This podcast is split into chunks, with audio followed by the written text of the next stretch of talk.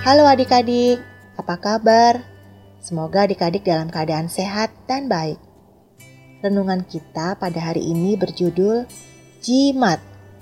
Hmm, apa itu ya jimat? Nah, nanti kita akan baca bersama dari Yehezkiel 13 ayat 20 sampai 23. Tapi sebelum itu, mari kita berdoa terlebih dahulu. Tuhan Yesus, terima kasih kami boleh kembali datang kepadamu. Kami juga bersyukur untuk kasih dan pemeliharaan Tuhan yang boleh kami terima setiap hari. Kami rindu untuk membaca dan merenungkan firman-Mu. Tolong supaya kami dapat mengerti kebenaran firman-Mu dan mau menjadi pelaku firman setiap hari. Terima kasih Tuhan Yesus. Amin. Adik-adik, mari kita baca bersama Yehezkiel 13 ayat 20 sampai 23. Oleh sebab itu, beginilah firman Tuhan Allah. Aku akan menentang tali-tali azimatmu dengan mana kamu menangkap jiwa orang, dan aku akan mengoyakkannya dari tanganmu dan melepaskan seperti burung-burung orang-orang yang kamu tangkap. Aku akan mengoyakkan selubungmu dan akan melepaskan umatku dari tanganmu, dan mereka tidak lagi menjadi mangsa di dalam tanganmu. Dan kamu akan mengetahui bahwa akulah Tuhan. Oleh karena kamu melemahkan hati orang benar dengan dusta, sedang aku tidak mendukakan hatinya, dan sebaliknya kamu mengeraskan hati orang fasik sehingga ia tidak bertobat dari kelakuannya yang fasik itu dan kamu membiarkan dia hidup. Oleh sebab itu, kamu tidak lagi melihat perkara-perkara yang menipu dan mengucapkan tenungan-tenungan bohong. Aku akan melepaskan umatku dari tanganmu dan kamu akan mengetahui bahwa akulah Tuhan. Ayat nats kita terambil dari Yehezkiel 13 ayat 20. Oleh sebab itu beginilah firman Tuhan Allah. Aku akan menentang tali-tali asimatmu, dengan mana kamu menangkap jiwa orang, dan aku akan mengoyakkannya dari tanganmu dan melepaskan seperti burung-burung orang-orang yang kamu tangkap.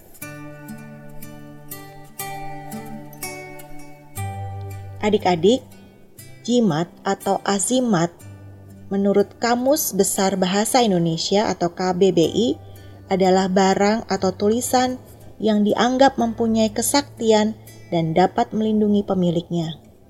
Digunakan sebagai penangkal penyakit dan sebagainya. Bagi sebagian orang, jimat dianggap dapat membawa keberuntungan. Nah, melalui ayat yang kita baca tadi, Tuhan mengatakan bahwa Tuhan menentang penggunaan azimat atau jimat, yang pada saat itu banyak digunakan oleh nabi-nabi palsu untuk menipu umat Tuhan dengan menjanjikan keselamatan palsu melalui jimat-jimat tersebut, sehingga umat Tuhan tidak lagi mengandalkan Tuhan. Tuhan mau kita belajar mengandalkan Tuhan dengan cara yang benar. Yuk adik-adik, kita ikuti percakapan antara bintang dengan mama berikut ini. Mah, mama punya salib kecil kan? Boleh bintang pinjam? Iya, mama punya. Memangnya mau untuk apa bintang? Ini mah, besok kan aku mau lomba futsal. Nah, aku mau benar-benar mengandalkan Tuhan. Jadi, aku sudah taruh Alkitab di tas futsalku. Lalu, stiker gambar Tuhan Yesus juga sudah aku tempel di kaos futsal. Nah, sekarang tinggal salib kecil yang besok mau aku jadikan kalung supaya tim futsal aku menang, mah. Oh, begitu. Memang menurut Bintang, itu cara yang benar dalam mengandalkan Tuhan. Hmm, memangnya salah ya, Ma? Kan benda-benda tadi adalah simbol Tuhan Yesus. Bintang, salib, gambar Tuhan Yesus dan Alkitab itu adalah pengingat bahwa kita adalah pengikut Tuhan Yesus. Tapi Tuhan mau kita mengandalkan Tuhan sebagai penolong kita. Kalau bintang sudah berlatih dengan baik dan berdoa, maka Tuhan pasti akan menyertai dan memberkati tim kalian. Oh, begitu ya, Ma.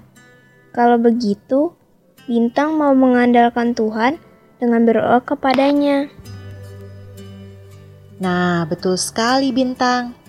Nanti malam kita berdoa bersama ya. Baik, Ma. Nah, adik-adik, mari kita belajar mengandalkan Tuhan dengan cara yang benar, yaitu dengan berdoa dan percaya dengan segenap hati bahwa Tuhan sanggup menolong kita. Mari adik-adik kita berdoa. Tuhan Yesus, terima kasih karena kami sudah belajar tentang kebenaran firman-Mu.